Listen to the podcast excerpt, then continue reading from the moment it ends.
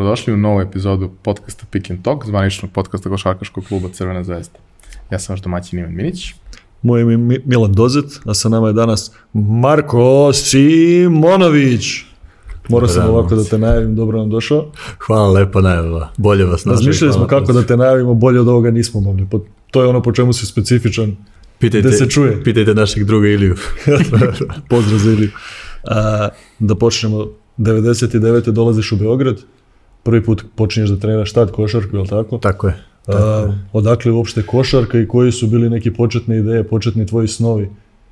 Pa, znate šta, to je bilo sasvim slučajno, naravno, ovaj, posle bombardovanja mi smo napustili Kosovo, došli u, došli u Beograd i polako krenuli da kažem da gradimo sve, ceo život od nule, ovaj, ja kao i svako dete koje je bilo tada u pubertetu, našao se u tim nekim nezgodnim godinama, nije mi baš sve to prijalo i moji roditelji, majka i pokojni otac su ovaj, verovatno razmišljali i, i, i, i razgovarali kako i na koji način da me malo eto animiraju, da malo unesu tu neku vedrinu i bilo je kao ajde malo da treniraš i aj kao košarka korak po korak, meni se to posle prvog, drugog treninga već svidelo jako i... A recimo u tim godinama si odskakao nešto visinom od vršnjaka? Jesam, pa bio sam tada, mislim to je ono, 13-14 godina period, imao sam već nekih 192-3, što je za te godine ja bih rekao dosta, ovaj, i, i eto tako, tako sam počeo da treniram i...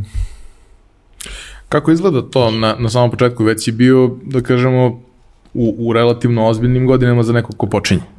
Pa da, kasnio sam. Kasnio sam, ovaj, što se možda i dan danas malo vidi, ali dobro, bože moj, nećemo o tome. Ovaj, ali kažem imao sam veliku želju. Počeo sam da počeo sam da treniram i svidelo mi se. I onda sam u jednom trenutku ja hoću da trenam, da trenam, hoću da igram. Iako je to bilo predaleko ovaj od od neke ozbiljne priče, ali jednostavno uh, ne znam, ja sam takav, jednostavno kada radim nešto pokušavam da dam maksimalno celog sebe u to i tako sam se poneo i od prvog dana prema, prema košarci i eto, na kraju sam eto došao do nekog nivoa i stvarno sam zahvalan košarci na svemu što mi je dala do sada. To je bilo baš skromno do nekog nivoa. Pa, A kako ide taj proces u tvom slučaju? Znači, ti si sa 14 godina, da kažemo, krenuo ozbiljnije da treniraš. Kako si išao do, do neke seniorske? Ja sam počeo da treniram u radničkom Jugopetrolu počeo sam kod uh, profesora Gorazda da treniram, to je u školskoj sali Brać Jerković, I tako korak po korak krenuo, bio priključen, relativno brzo sam napredovao u tom periodu, kao beba, kad najviše raste u prvih šest meseci, tako i ja isto. Naučio sam levi, desni dva korak. bilo dosta za... Da, dosta bilo dosta, da. Ovaj, fizički sam ovako bio, da kažem, dominantniji u, u, u generaciji, pogotovo u, u tom klubu i malo po malo, korak po korak, ovaj, počeo sam da treniram sve više, bilo je na 2 sata, 4 sata, uzimao ovaj, već sa nekih 16-17 godina i individualne neke treninge i eto, kažem, znači, išao je baš onako kronološki, malo ubrzano, ali, ali, ali eto. Reci mi, neka tvoja reprezentativna priča isto krenula, iako si počeo sa košarkom da se baviš kasno, relativno brzo su došli pozivi za reprezentaciju. Koliko je to uticalo na tvoj razvoj, podstreklo te za neki za neke jače treninge. Da. Ja se sećam da sam, je, a, moj prvi trening je bio 12. decembra 99. Toga se sećam. O, u osnovnoj školi Bora Stanković, kasnije sam prešao, kažem, u, u, u Jovan Ivanović Zmaj i već na leto sam bio priključen uh, reprezentaciji. Mislim da je to tada bila kadetski uzrast da je bio. Mi smo imali Požarevac, neki kamp i tako dalje, veliki broj, veliki broj igrača iz generacije, kasnije neka selekcija, manji broj na nekih dvadesetak i trenirali tamo Karataš, Hladovo, ne se sad redom kako je bilo. Uh, ali ovaj ali da relativno brzo ušao. Dobio sam stipendiju saveza u tom trenutku ovaj neku neku pomoć ovaj bi stvarno je značila što mnogo. da što mnogo je značilo i zahvalan sam im na tome. I eto kažem, ovaj, omogućili su te treninge, kako, sad ja ne znam kako sad trenutno to funkcioniš, ali ono, po centrima, po regionima, uz klub naravno i eto, kažem, korak po korak opet iz dana u dan se sve veća i veća želja stvarala za tim nekim treningom i za tim da, da jednoga dana igram košarku i Recimo, jesi tad bio profilisan već od malih nogu, što se kaže, u, u nekog šutera i šut, jesi volao da šutneš tri poena ili kako si igrao? Pa volao sam, volao sam da šutnem, da volao sam da šutnem i to sve, ali nisam tad bio ono, da kažem, šuter šuter, znači igrao sam svašta nešto, igrao sam uglavnom tada na poziciji pet, jer sam bio najviši u generaciji, pogotovo u tom mom klubu, ovaj, ali evidentno je bilo da neću igrati na toj poziciji kasnije ovaj, u karijeri i morao sam da se prilagodim i da radim na nekim drugim ovaj, ovaj tehničkim stvarima, ne bili se pomerio poziciju ili dve niže. E, prva neka situacija u kojoj te ljudi masovnije vide u, u, u nekom reprezentativnom svetlu je univerzijada u Beogradu, gde si ti bio u principu jedan od lidera te, te generacije koja je osvojila zlatnu medalju i koja je bila fantastična i uh, mogu da kažem i beskreno zabavna za gledanje jer je to bilo stvarno ne, ne, ne, vrlo šarenolika ovaj, ekipa. A, kako je došlo do toga?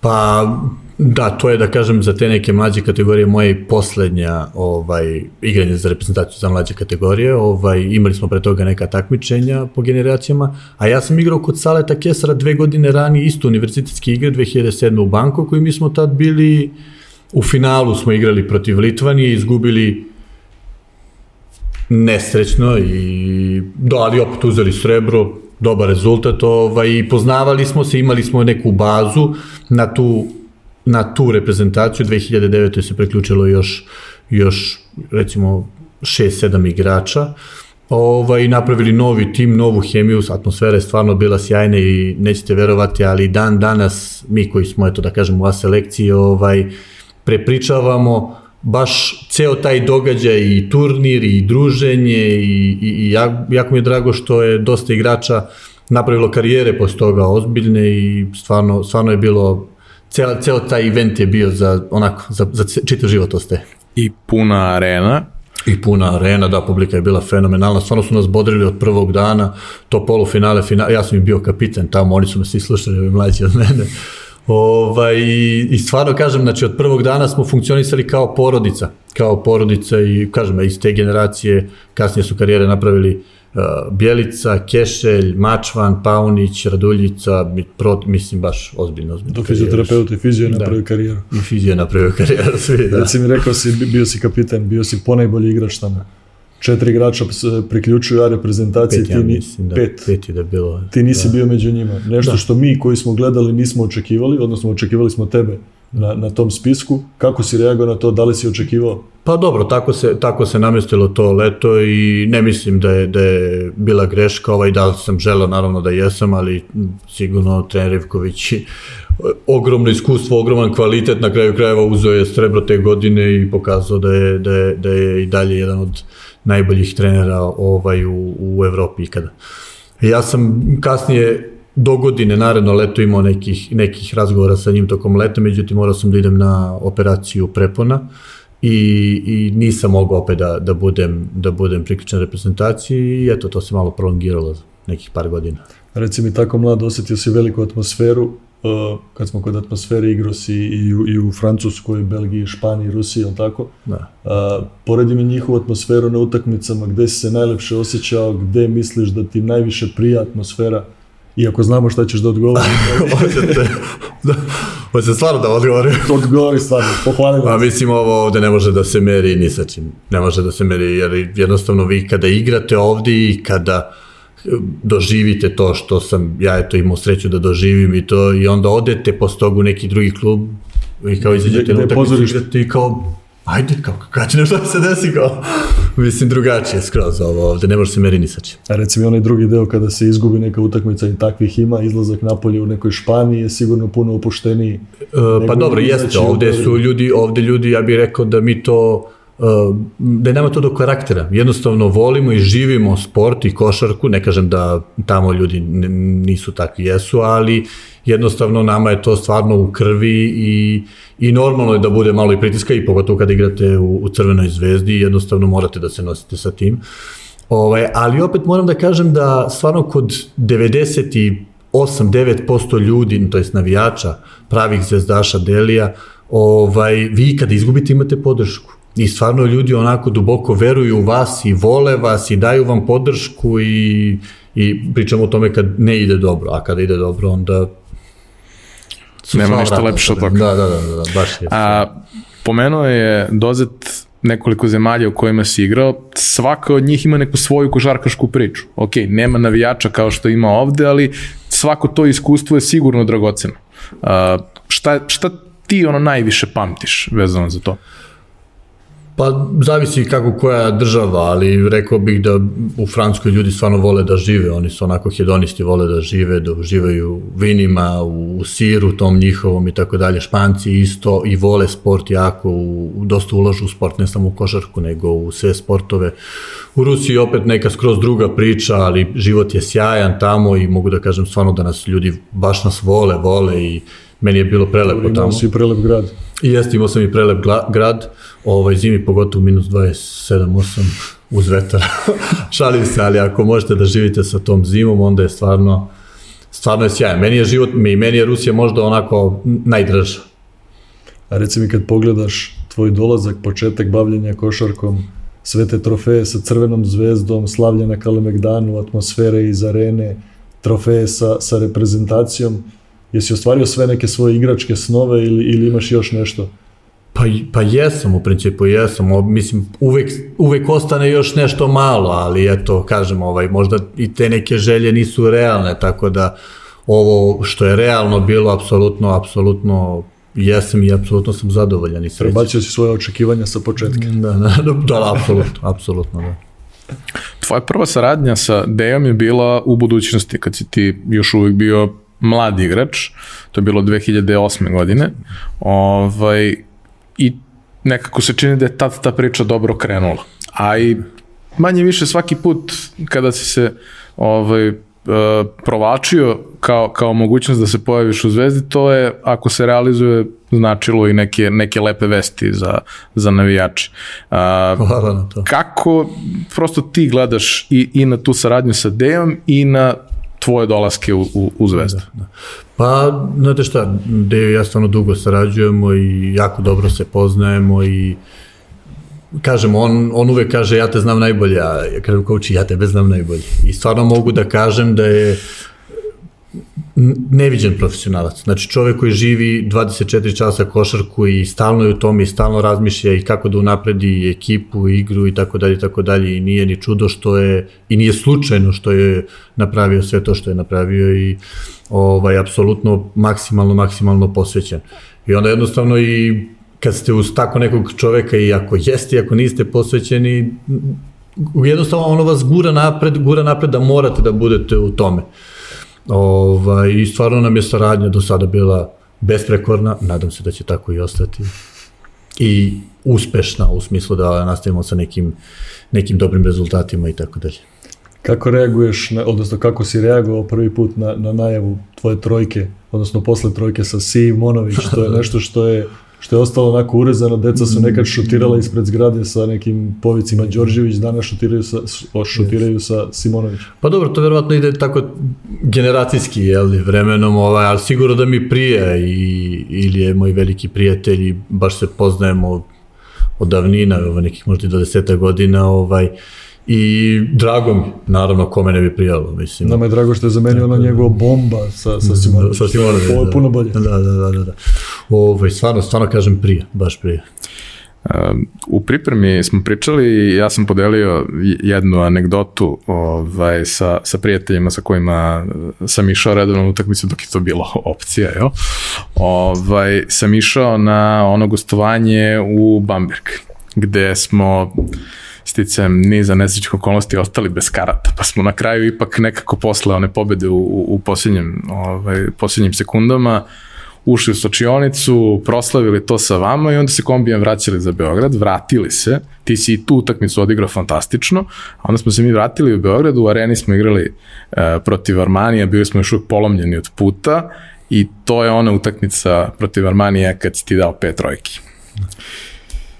Kakav je to osjećaj? Pošto ja sam više puta posle, kad mi je teško u životu, ja pustim taj snimak da se podsjetim, ovaj, sa, sa Ilijinim najavama koje su sve ekstatičnije, kako, kako, kako se ovaj, ređaju stvari, ali kao, to je bio možda naj, najbolja tvoja sezona u Zvezdi, najbolja moja tvoja, možda tvoja sezona profesionalno, kao kakav je osjećaj?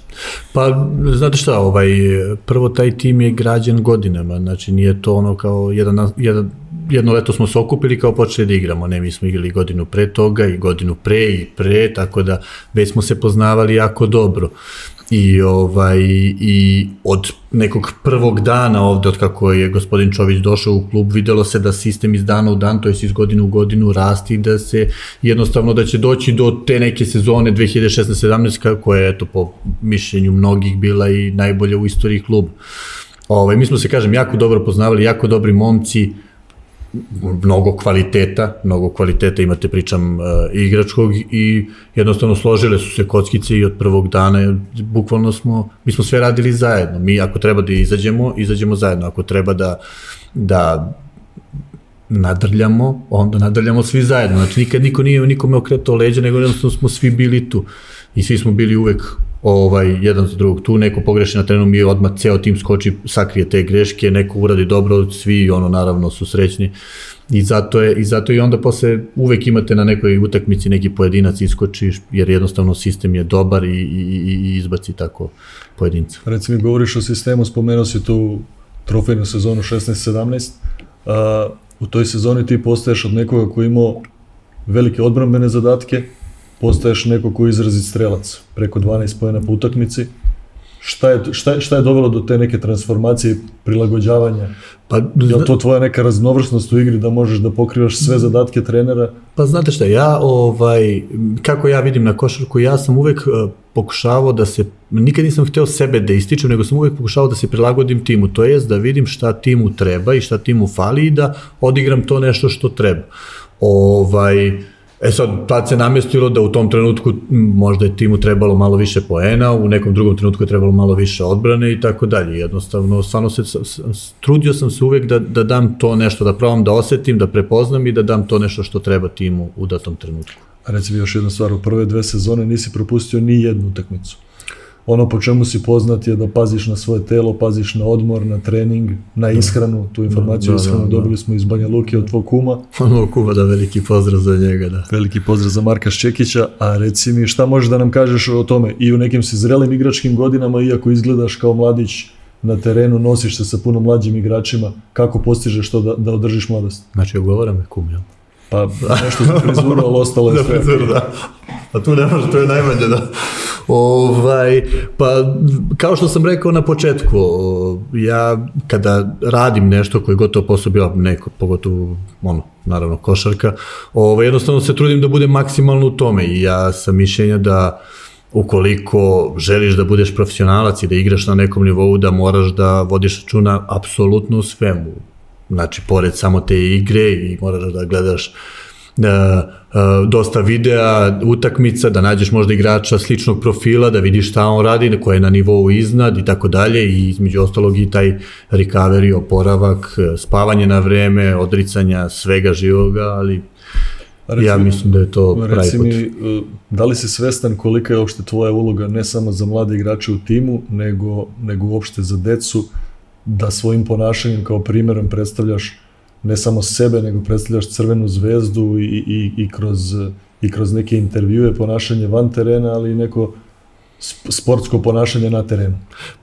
Pa, znate šta, to se prenosi s, e, s kolena na koleno i onaj, generacijama uvek ono učite od tih starih, starih i probate da pokupite nešto dobro i tako sam i ja učio od, od, od starih koji su bili sjajni igrači i, i I jednostavno mislim da to jeste naša obaveza. Znači, sport je uvek bio dobar, zdrav, čist i takav mora i da ostane i da, da deca izađu na te terene ispred da igraju, da treniraju i ako Bog da sutra će i moja isto tako. Ne moraju profesionalno da se bave, ali je dobro da treniraju nešto u tim, u tim mladim godinama i tako dalje.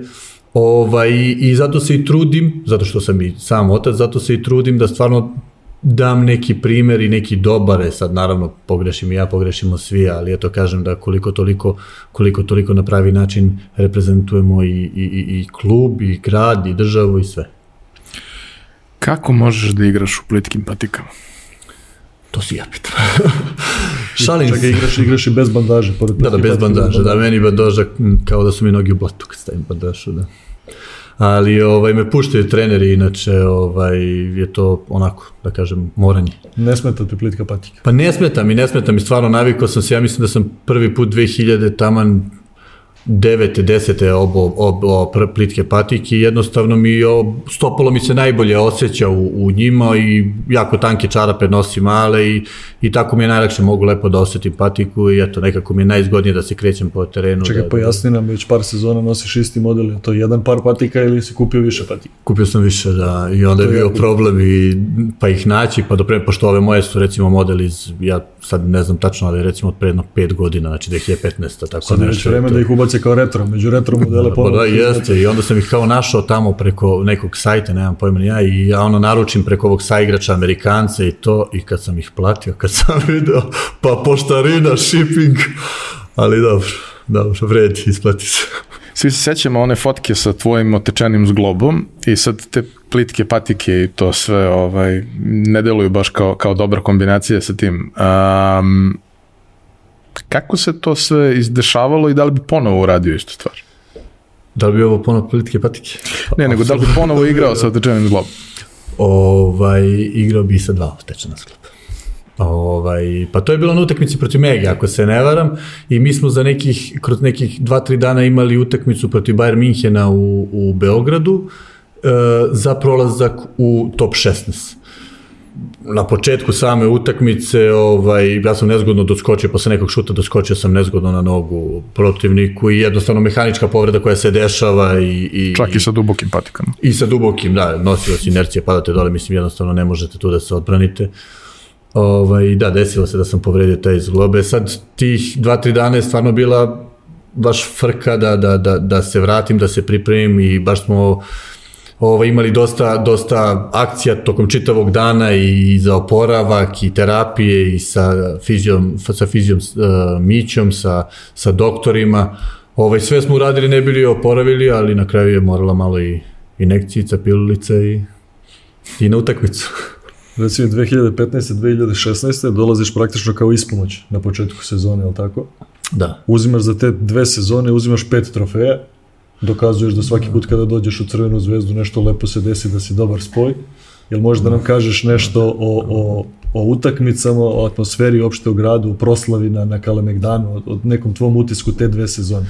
Pa da, ja sam 2015-16 sezonu potpisao ugovor bio na dva meseca i kasnije ga produžili do kraja sezone. Ovaj, I to je ono što sam rekao malo pre, znači klub je apsolutno postavio sistem od prvoga dana i od prvoga dana rasta, ali jednostavno ne možete preko noći da napravite kao tim i sad osvojili ste sve. Ne, ne ide tako i nije dobro da ide tako, nego je ovo sport i drugi igraju ovaj, i korak po korak, korak po korak došli smo do tog nivoa i doveli klub svi zajedno, ne mislim samo na tim i igrače, nego jednostavno od vrha piramide pa skroz do dole, ovaj, bili, bili maksimalno fokusirani na to i maksimalno svi dali svoj, svoj maksimum, ne bili, ne bili ovaj, Crvena zvezda došla, došla na taj nivo. I, eto, stvarno za te dve godine smo uzeli, kao što ste rekli, pet trofeja, igrali top 8 Euro, Euroligije 15-16, izgubili smo istina 3-0 od CSKA, ali dve utakmice su bile na loptu, gde smo stvarno mogli da pobedimo.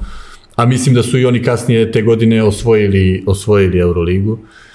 Onda 16-17 samo spletom nesrećnih okolnosti nismo preš, prošli u top 8, ovaj, nego je prošla Darušafaka i opet smo pobedili tada evropskog prvaka, kasnije uh, ekipu Fenerbahča i stvarno mislim da je, da je bilo lepo i, i uživanje gledati nas, a i bilo je stvarno privilegije i čast igrati i, i, i celu tu atmosferu osetiti te dve godine.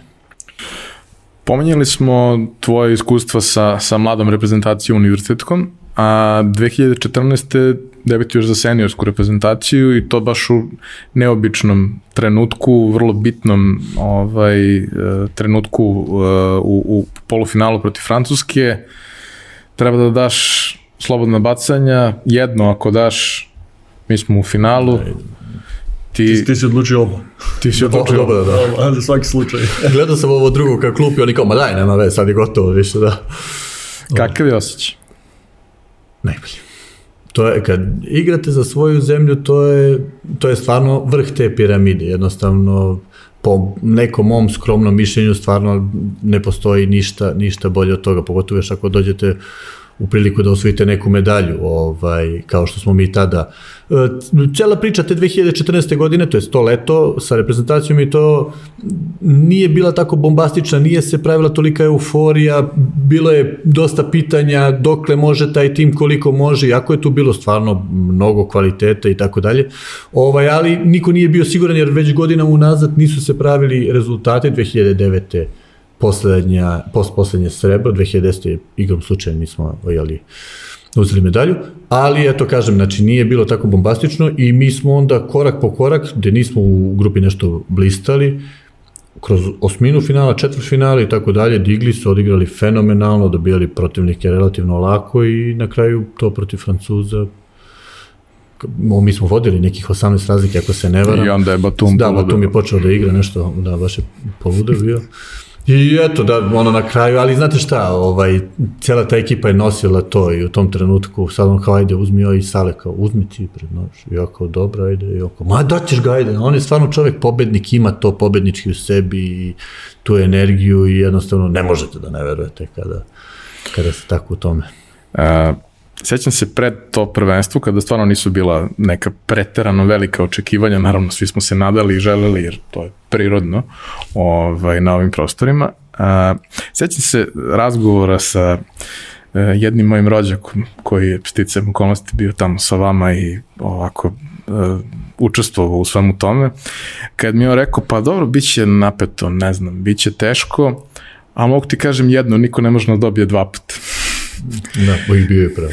I uh, kad sam ga pitao šta to znači, pa kao, ok, nismo dovoljno uigrani, ne znamo se dovoljno, nemamo istoriju da, da se toliko savršeno svi poznajemo i ne znamo sve te protivnike kroz igru. Znamo mi pojedinačno sve te ljudi, ali ne znamo kako će oni funkcionisati kao ekipa. Ali kao individualno smo toliko kvalitetni, toliko smo dobro ukombinovani, ukombinovani kao ekipa da kada upoznamo te, te protivnike, prvi put mogu da probaju svašta i verovatno će im deo toga proći. Drugi put ćemo da. zatvoriti sve. I tako je zapravo izgledalo to prvenstvo. Ne samo to prvenstvo, tako izgledalo godinama. Nikad nas niko nije pobedio dva puta za redom. Jesu Amerikanci, ali... Okay. To se ne računa. Znači 2014. pa 16. Ali da, ovo ostalo da ja znam niko dva puta. I svaki put je bilo ono kao, mi na olimpijskim igrama baš kao izgubimo od Australije, I sad svi onako, oni onako čvrsto ušli, muški, prebili nas i šta ja znam. I mi ulazimo u svačionicu, oni kao, ma ajde, kao dolazi Sale i tvoj rođak, moj veliki prijatelj. Zašto čoveku ne kažeš ti Da, da, Milan, čekam da mu kažeš ime. Milan, Milan Minić, ovaj, ovaj, da, pomoćni trener čovjek enciklopedija, da je godinama unazad radio sa najvećim trenerima i u najvećim klubovima i reprezentacijama osvojio je, mislim da nije on sam više, ne znam šta sve. Svašta. Da, Olimpijsku medalju sa muškom i olimpijsku medalju sa ženskom reprezentacijom. To je CV, da. I svašta drugo, ali to je baš onako... I oni onako baš kažu kao, alo, kad se budemo streli opet sa njima, pocepaće ih kao kese. Od reči do reči. tako je. Reci mi, planiraš posle košarkaške karijere da nastaviš da se baviš trenerskim poslom? Ja sam bio u Crvenoj zvezdi poslednje sezone Luke Pavićevića koji je imao isti plan. Od početka sezone je znao šta želi i zapisivao je svaki trening. Da zapisivao je analizu svake utakmice, već je bio bliže stručnom štabu, neću da kažem nego igračima, ali znači puno je učestvovao u tome. Pripremaš li sebe na neki način već sad i, i da. Ka, kako vidiš sve to? Pa, znate šta, ovaj, već nekih 4-5 godina ja imam tu ideju i stvarno je to nešto što me vuče i što želim da radim u budućnosti i ja tu razgovoru sa tim nekim i prijateljima i ljudima koji su iz sveta košarke, da li treneri ili košarkaški radnici, oni su me negde i uputili da bi trebao da gledam u tom smeru i da možda tu mogu, mogu nešto da vide, da, da to bi izgledalo ovako ili onako. Ovaj, i, I kažem, znači stvarno sam počeo da razmišljam aktiv, aktivno pre nekih 5-6 godina, 4-5 godina o tome i počeo i da, da već i da zapisujem i da pišem i da analiziram i tako dalje, ali opet pokušam i da malo održim balans jer i dalje igram, jer ne bi možda ni bilo dobro da previše odem u to, ovaj, pa leti malo dam sebi oduška da odem u to, sa pogotovo sa Milančetom, onda mi sednemo i pričamo satima o, o, o košarci. I ja isto tako i dok ne sednem sa njim, ja mislim da se razumem u košarku, onda sednem pa me on oduči i neko vreme ne razmišljam o tome. Nisi rekao ja isto tako, ja sam mislio da planiraš da budeš trener. Pa ja bih voleo da budem trener, ali nisam baš siguran koliko, koliko to bi imalo smisla i naravno to zahteva jako veliku posvećenost i jako puno Mnogo, znanja mnogo, I, i, i, i iskustva koje treba skupiti. Nije nešto što može da se radi usput. Ne, ne, tamo. Pa, ja vam kažem, uzmite primjer Dejana Radonjića, znači čovjek je stvarno nenormalan profesionalac, živi 24 časa košarku i non stop non stop. I iznova bi mogao da priča o košarci, o košarci i tako da jednostavno mora, tako to je dobar model. Čini se nekako da svaki put kada je došao poziv iz Zvezde, ti si bio raspoložen za to. Sad, da li je to uh, samo odluka Marka Simonovića, profesionalnog košarkaša, ili je to dobrim delom jedna emotivna odluka da prosto to želiš? Da, dobrim delom je i emotivna, jer uh, ja stvarno Crvenu zvezdu volim i stvarno mi, stvarno osjećam drugačije ovaj klub, znači nije kao kada si profesionalac i igraš, ne znam, tamo negde u inostranstvu ili gde već, i sad ono kao igraš, boriš se, ali opet malo gledaš kao kako ćeš ti da prođeš te sezone i tako dalje, ovde ne, ovde mi je skroz drugačiji baš ono želim i, i interes mi je samo da tim napravi rezultat, da, da, da sve što je zacrtano na početku sezone da se to i ostvari, da li će to biti 2 poena ili 202 poena ili 5 minuta ili 0 ili 30 po utakmici, nije ni bitno, samo da se to desi. I stvarno kažem, znači jednostavno, ne, ne, ne možete da ne volite. Ne možete da ne volite, jer kad izađete iz hali, kada vidite, kada vidite navijača oko vas koji su srećni, grle vas, ljube vas, vi ne možete se odbraniti, ali to je bukvalno tako. Znači, bukvalno tako vas grle i ljube. Ili kada vidite ono kao plaču, ali kao pa dobro, kao nema veze, ono izgubili ste i ono, da, mislim, jednostavno ne možete da, da ne date sve od sebi da ne volite taj klub. Šta te navijači najčešće pitaju kada te presretnu negdje? Pa zavisi od trenutka do trenutka. Da li dobijene utakmice ili nije? da, da, da, od trenutka do trenutka, ali ovaj, obično je to stvarno, prvo je i osnovno to je ona kao podrška, kao ajde Simone, ovo bravo majstore vamo namo, ili tako svaka čast momci i tako dalje, ovaj, a eventualno ako uđemo baš sad u neku priču, onda da, malo... Znači ulaziš u priču o košarci, Pa, nekome, da, dozvolim poz, nekome. poziv za sve da ga presretnu negdje, da s njim o Pitaj, da. košarci ga. Pitajte, o Jel možemo da te očekujemo na klupi Crvene zvezde? Pre nego što odgovoriš, uzmi u obzir da Deja će da gleda ovo i ako odgovoriš da, možda sledeću utakmicu nećeš imati minutažu kako neki, planiraš. kao neki pomoćnik ili to. Idemo hronološki korak Provuci se tako, da. dobro. Da, da, da, da, mislim, tako.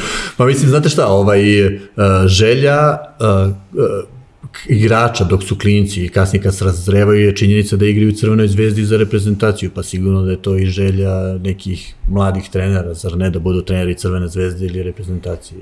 Tako da mislim da je to apsolutno sasvim prirodno. Da li i kada će se to desiti o tom potom. Ali naravno da bih volao da se to desi nekad. Ovo o tom potom nam daješ do znanja da ćeš još da igraš još dugo. Desetak, neće mnogo. Deset. A, imamo taj jedan deo na kraju koji je sa pitanjima leksikonskog tipa gde ovaj, postavljamo, uh, pokušavamo da napravimo jednu malu bazu tih nekih omiljenih pomenata, ljudi, utakmica koje su oblikovali istoriju zvezde. I svakog smo pitali nekoliko pitanja, pa ćemo pitati i tebe. A, prvo pitanje u leksikonu je uh, koja ti je prva asocijacija na zvezdu? Pa ne znam, uh, porodica bih rekao. Za, mislim, ako, moram, ako mora jedna reč da bude, to bih rekao tako. A zašto? Zato što baš kažem ta atmosfera, neka porodična, kućna, de, atmosfera između, između navijača i igrača i uprave i, i marketinga i svih nas, mislim, i, i ta interakcija apsolutno, apsolutno je jedinstvena. Stvarno jedinstvena. Neka zvezdina omiljena utakmica. E, m, naša, pa možda Fenerbahče 2016-17. 2016-17 i nedavno sam gledao tu utakmicu i to kako smo mi igrali odbranu protiv ekipe koja je te godine osvojila Euroligu, igrate protiv najboljeg trenera u istoriji.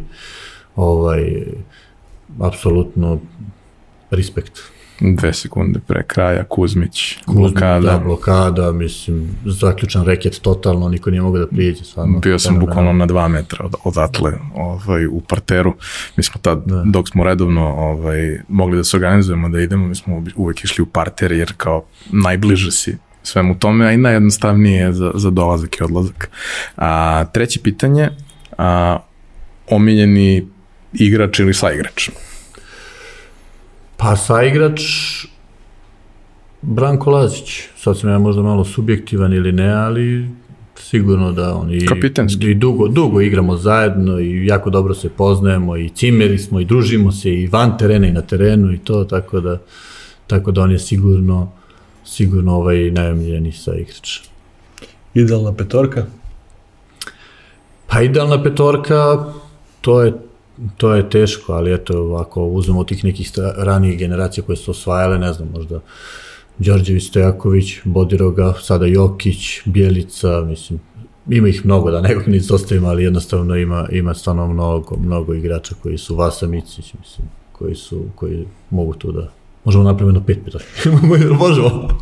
Možemo uvijek da napravimo i petorku, i klupu, i B reprezentaciju, i B ekipu. Mi bi mogli, hvala Bogu.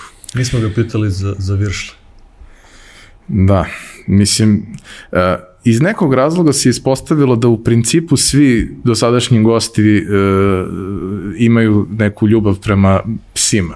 I sad mi smo se raspitivali za, za, za tvog psa i naravno niko ne ume da izgovori ni koja je vrsta, ni da objasni malo Kako tu bi celu mađarska Viršla, kako misliš ne umeo, ja umeo.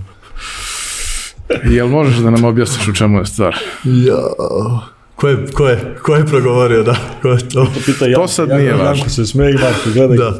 Ovaj, ba nije mi pas još uvek, ali u- razmišljamo u tom, u tom ovaj, smeru da uzmemo mađarsku vižu. Čekaj, sami reci sad onda supruga ne sme da gleda ovo. Ako treba da bude iznenađenje... Ovaj, da, ovo ćemo da se rešava, da, da, da. Ne, ne, ona forsira, deca forsiraju, ali ja se ne dam, jer neko mora da šeta tog kjera uveče i tako dalje, a ja nekako mi da pobegnemo od te obaveze. reći odakle uopšte Vižla. Odakle ide? Uh, pa naš, naš direktor bivši ovde, Davor Istović, on ima mađarsku vižlu i mi smo ovaj, u dobrim odnosima ostali naravno i dobri smo prijatelji i onda u nekom razgovoru sa njim on mi je preporučio tog kjera kao, kao jako dobrog i, i, i, i kjera koji, koji voli decu, koji je jako vezan za decu. Uz to je energičan i traži puno šetnje. Nije ti rekao taj deo. E, nije mi to rekao, rekao mi kaže jedan put dnevno, sat Jedan vremena. put da- nikako. Da, i onda kao aj voli decu, to mi je, pošto stvarno klinci ono obožavaju kad vide na ulici evo, i kjera, to je ludnica. Tako da, ali Inače, pazi, sa psom, uh, ja celu karijeru im- imam pse. I za neki kraj karijere zrele godine nije uopšte loša stvar, zato što jutro se probudiš pa šetaš psa jedno pola sata i tamo razmrdaš se kad dođeš na trening si zagrevan za razliku od svih ostalih. Tako, kako mogu bi da ra- razmisliš. razmrdavanje ujutru, to dok se razmrdaš, dok prohodaš, znaš o čemu pričam, Zato ti da? kažem, znam kako Da, je. prođe vreme. Simone, hvala što si bio. Ovo je bio prvi put, ali verujem da neće biti i poslednji. Imamo jedan, jedno malo iznenađenje ovaj, od partnera kluba. Hvala vama na pozivu i hvala na poklonu i nadam se da će ostati uz nas što duže. Hvala vama što ste nas slušali i gledali. To je bilo to za, za ovu epizodu. Vidimo se ponovo naredne nedelje.